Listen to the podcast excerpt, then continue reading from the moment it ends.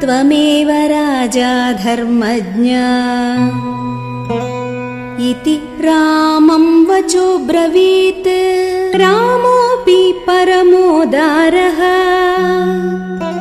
सुमुखः सुमहायशाः।